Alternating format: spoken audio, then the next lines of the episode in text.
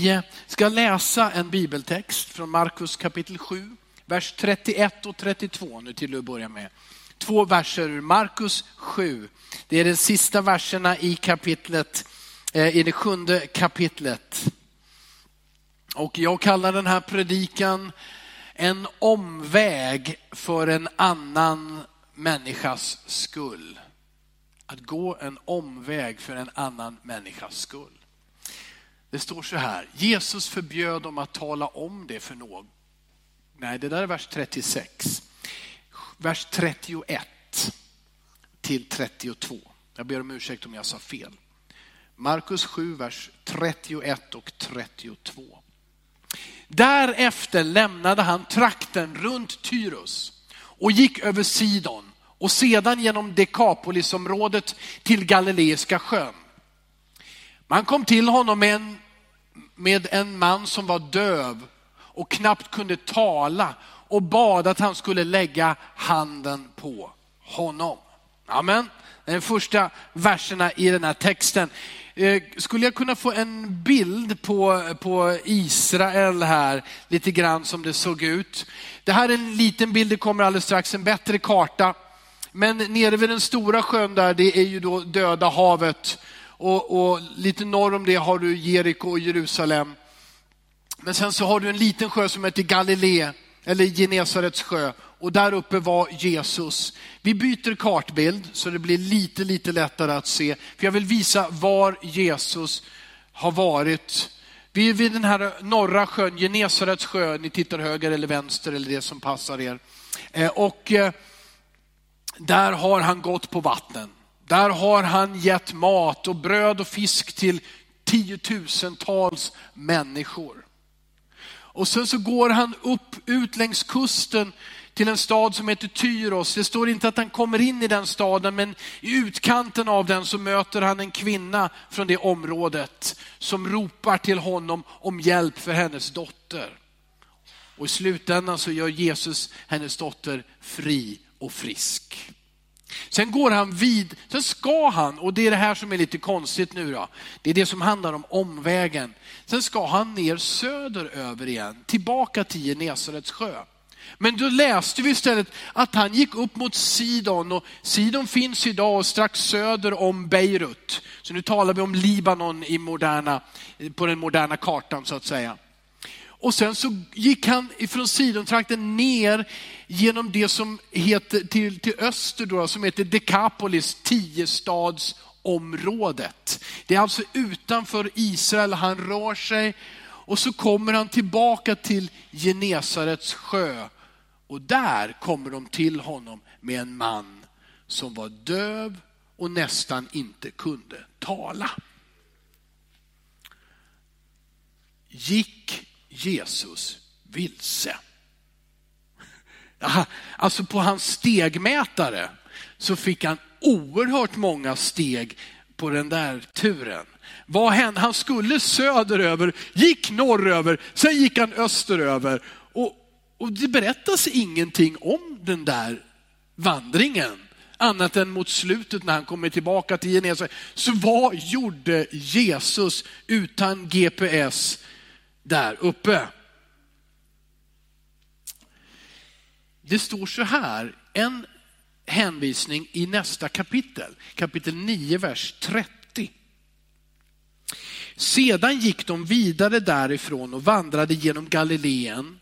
Jesus ville inte att någon skulle få veta det eftersom han höll på att undervisa sina lärjungar.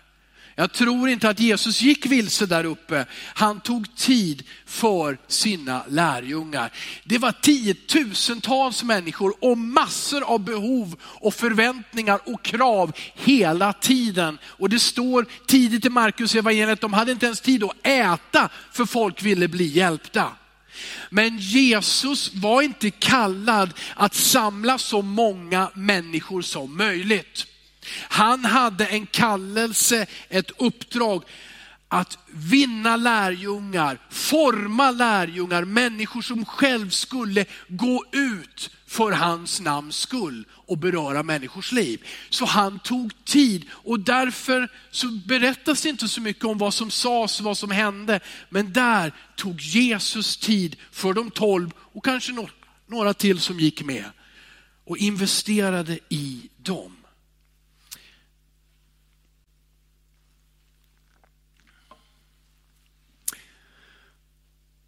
Om man vänder på det.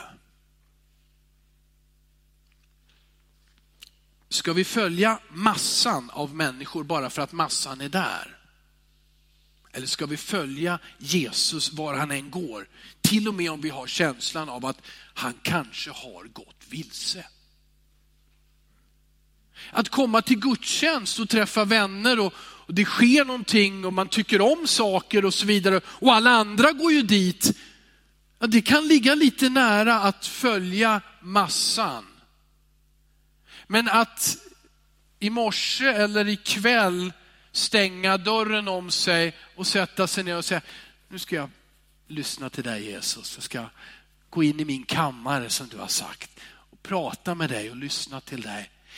Det är inte alltid lika lätt, för alla andra gör det ju inte. De tittar precis på Melodifestivalen. Ja, då tittar vi på Melodifestivalen. Eller så gör vi någonting annat som vi kan prata om på arbetet på måndag.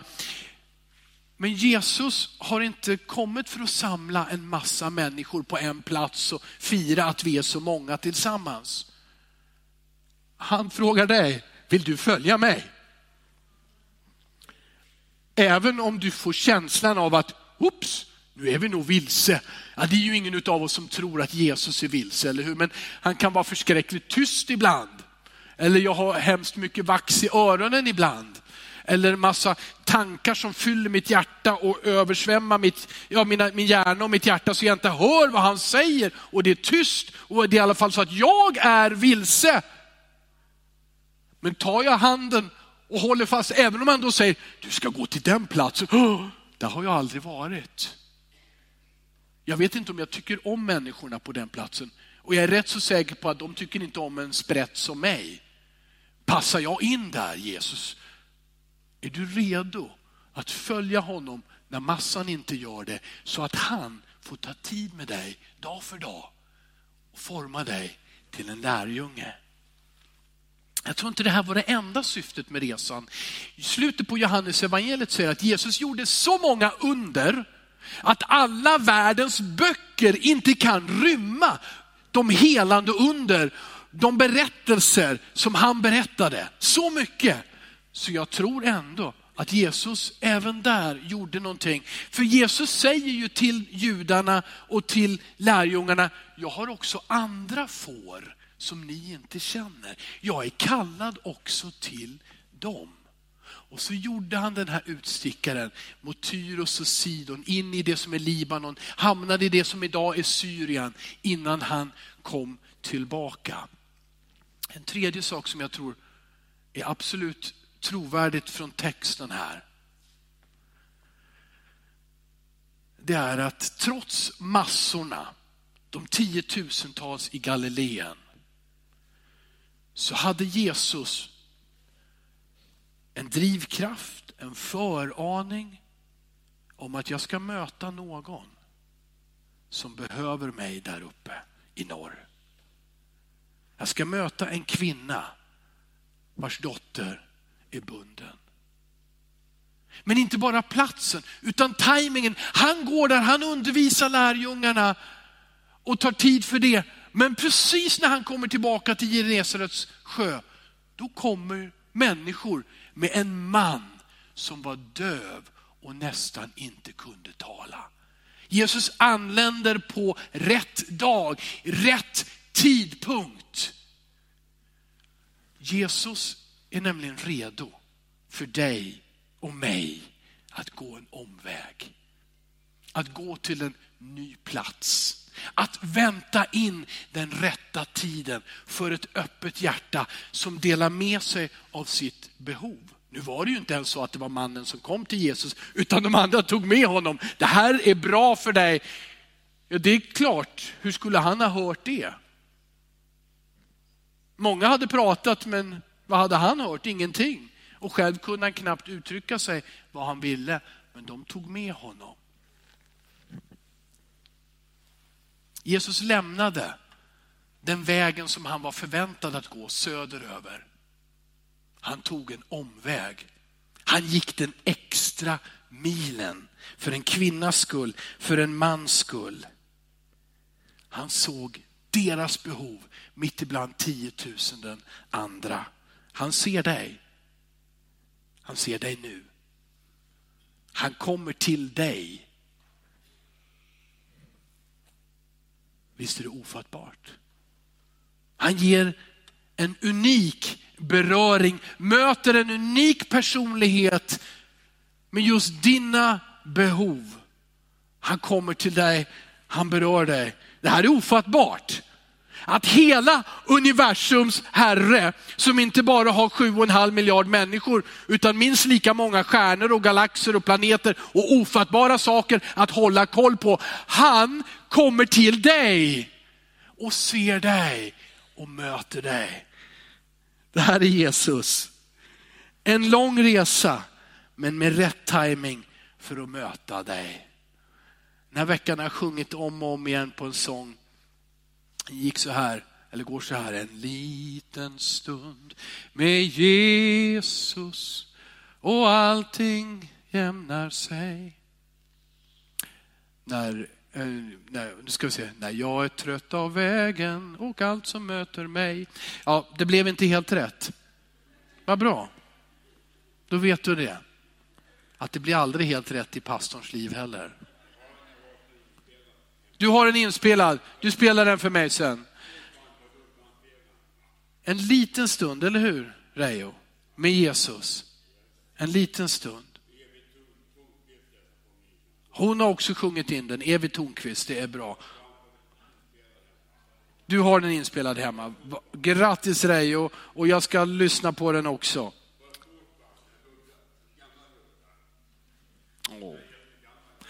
Det gör inget att rullbanden är gamla. Om man hör sången så är den bra.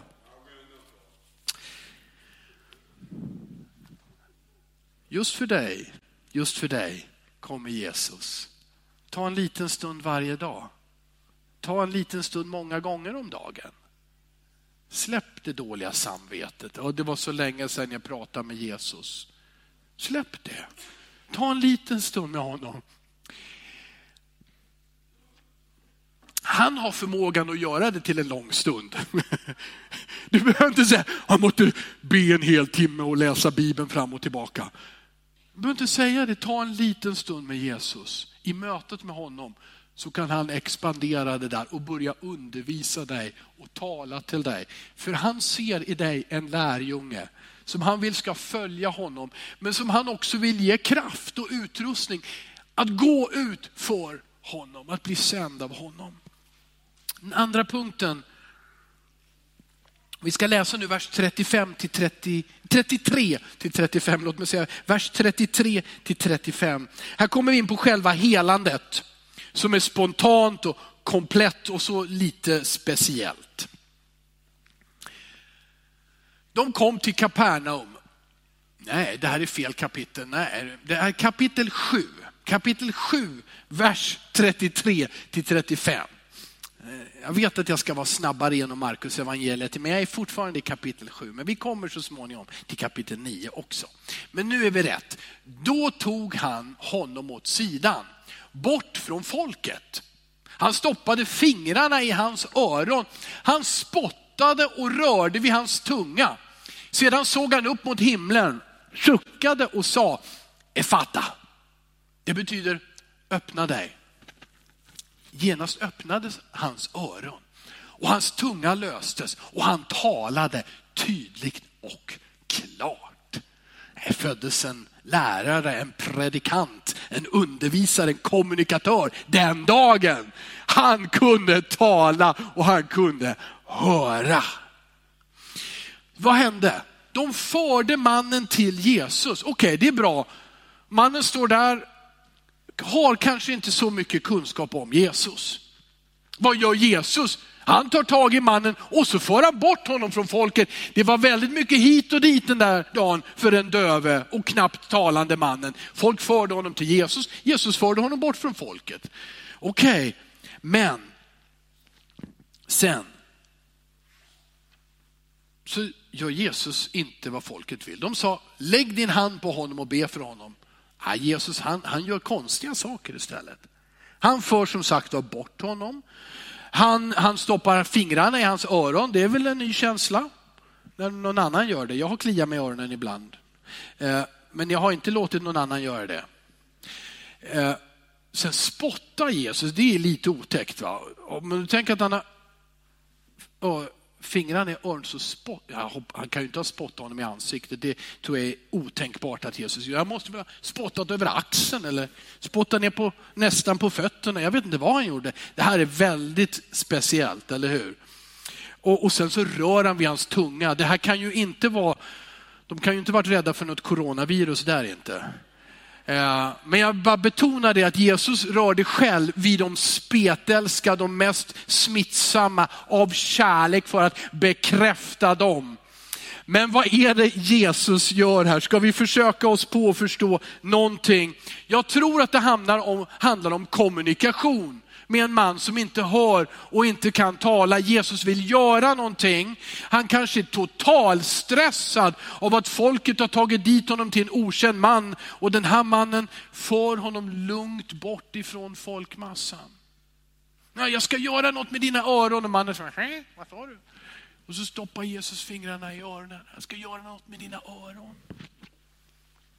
Så uttrycker han någonting, han spottar där och, och rör vid hans tunga. Jag ska göra någonting med tungan. Men det är klart, det är ju den man pratar med.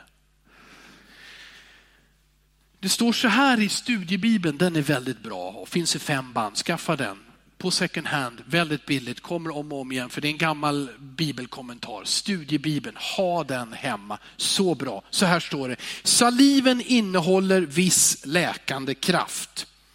Förfaringssättet var brukligt bland andra utövare av läkekonsten. Och Jesus använde det för att lättare få kontakt och ingjuta förtroende och tillförsikt hos mannen. Jag tror att han kommunicerade med honom och jag tror att han byggde upp tro i den mannens hjärta. För Det här är väldigt viktigt i mötet med Gud. Det finns nämligen ingen annan väg att möta Gud än genom tro. Ingen annan väg. Så Jesus bygger upp tro, visar här. Och tänk det där ögonblicket. Jesus står med fingrarna i mannens öron. Eller så har han tagit ut dem nu kanske. Men de står, det är väldigt intensivt där. Två män som står väldigt nära varandra. Jesus spottar. Det är intensivt. Mannen, han undrar, vad händer? Han blir förväntansfull. Men Jesus förmedlar en trygghet. Jesus, är, han vet precis vad som ska hända. Och han har fullmakt att förändra allting. Det är lite grann som när Jesus sov i en båt. Lärjungarna blev rädda för det stormade och de väcker honom och han ställer sig upp och vad gör han? talar till vinden och han talar till vågorna och allting lägger sig. Det är samma Jesus, men med respekt och omsorg om en enskild man, förvirrad, drabbad, verkligen. Och Jesus suckar, står det. Efata. Jag tror att den mannen kunde läsa så mycket från läpparna att han hängde med på vad som sades. Efata. Jesus suckade. Och så för alla oss icke-judar så står det, det betyder öppna dig. Och så sker det. Och, och det är ju fantastiskt, alltså Lukas när han skriver det här så skriver han genast Luk, eh, vad sa jag Lukas? Markus, Markus, Markus, Markus. Markus älskar ordet genast. Nu har mannen väntat ett halvt liv. Nu har han förts av folkmassor hit och dit och funderat. Men nu finns det ingen tvekan. I ett ögonblick, genast står det, öppnades hans öron, hans tunga löstes och han talade tydligt och klart. Det var inget halvt under den dagen. Det, och Jesus gör aldrig halva under. Det var ett helt under. Mannen blev talande och hörande. Jesus suckade. Varför just suckade han? Jag har två tankar kring det. Han är respektfull. Han vet dessutom att det hjälper inte om jag skriker idag. Jesus ställde sig också på torget och ropade till folket. Är någon törstig, är någon hungrig? Kom till mig. Ska du få evigt bröd att äta och levande vatten. Men han ropar inte, han, han suckar, han talar tyst till mannen. Öppna dig. Men det finns en intressant sak tycker jag. Där. Om du suckar någon gång, vilken, tänk, vilken kroppshållning har du när du suckar? Är det så? Typ? Lite uppgivet, titta lite neråt, lite frågande.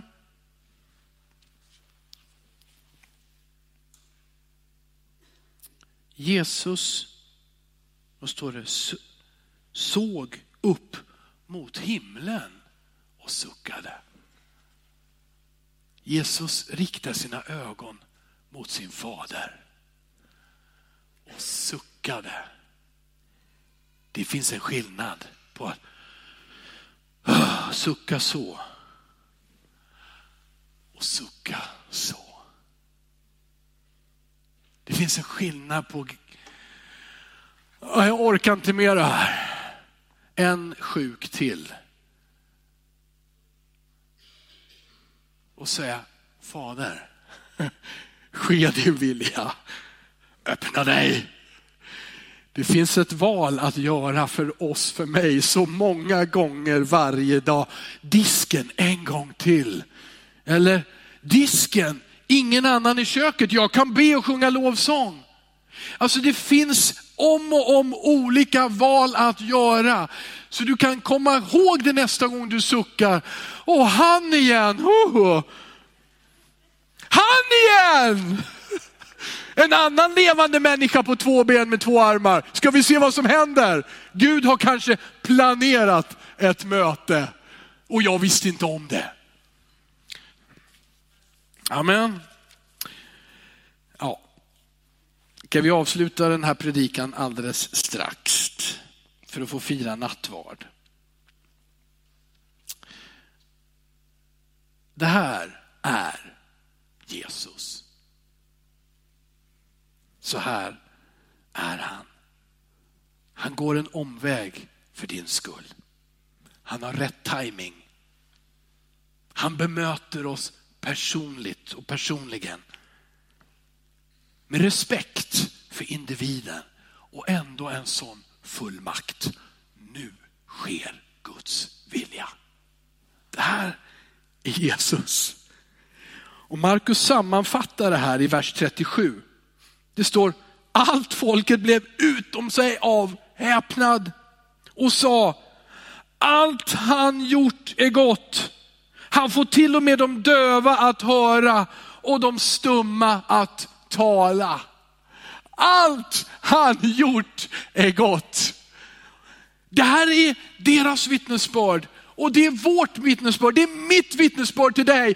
Allt som Jesus har gjort är gott. Det här är Pingstkyrkans vittnesbörd till våra grannar, vänner, till Eskilstuna, Sörmland, Sverige och världen. Allt Jesus har gjort är gott. Amen. Det finns ingen tvekan, det är ingen blandning av ljus och mörker eller någonting annat. Allt han gjort är gott, för han alena är Gud och han är god.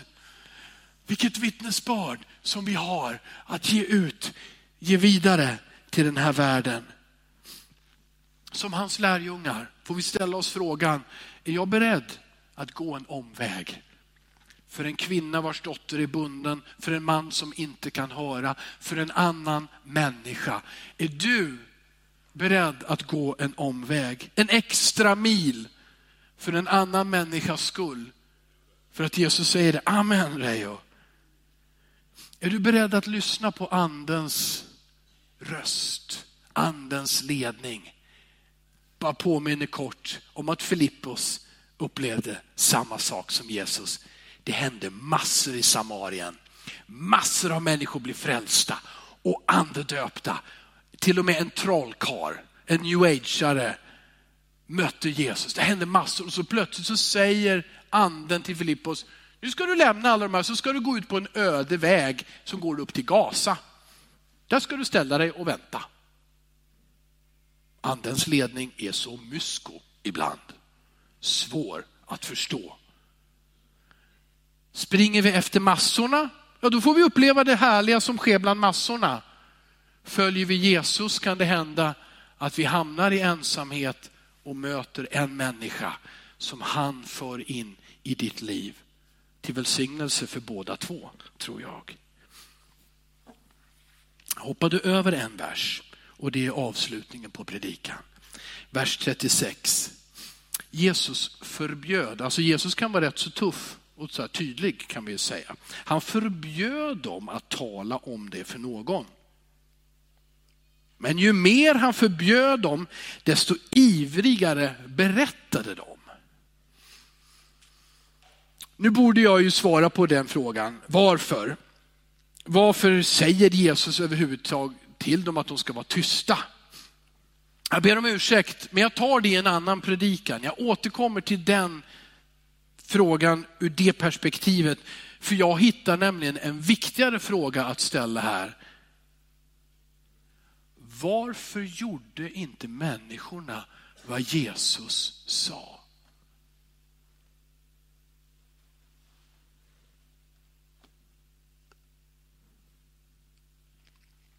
I studiebibeln så står det så här. Jesus gav dem en tydlig befallning. Men likväl gjorde de inte som han sa. De prisade honom, men de ville inte lyda honom.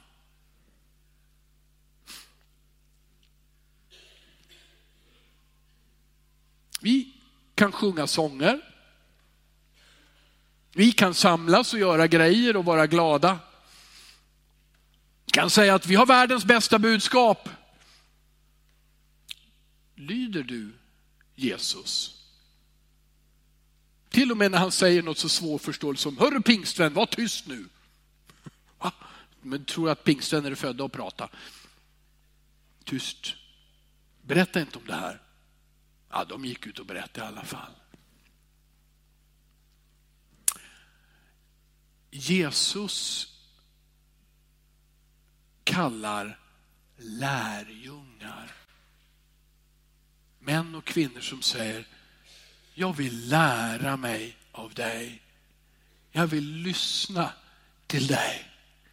Jag vill göra vad du säger. Jag vill gå dit du säger, dit du sänder mig. Jag vill göra din vilja. Han kallar inte en massa till att vara högljudd och göra massa saker. Han kallar enskilda individer att vara hans lärjungar. Är du beredd att gå nya vägar utifrån den erfarenhet och den livssituation som du har? Är du beredd att möta nya människor som du kanske är obekväm med och som kanske tycker att du är en konstig prick? Är du beredd att gå en omväg för andra människors skull? Amen. Låt oss bedja tillsammans.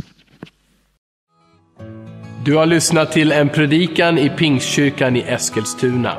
Om du vill höra den igen eller höra andra predikningar eller se, då finns vi på TV Eskilstuna och vi finns på Youtube där du hittar oss under eh, Pingstkyrkan Eskilstuna. Du kan också klicka på prenumeration om du vill veta när nya predikningar läggs ut. Alla är välkomna hit. Du är varmt välkommen att eh, kontakta oss eller besöka ett av våra möten eller kyrkan.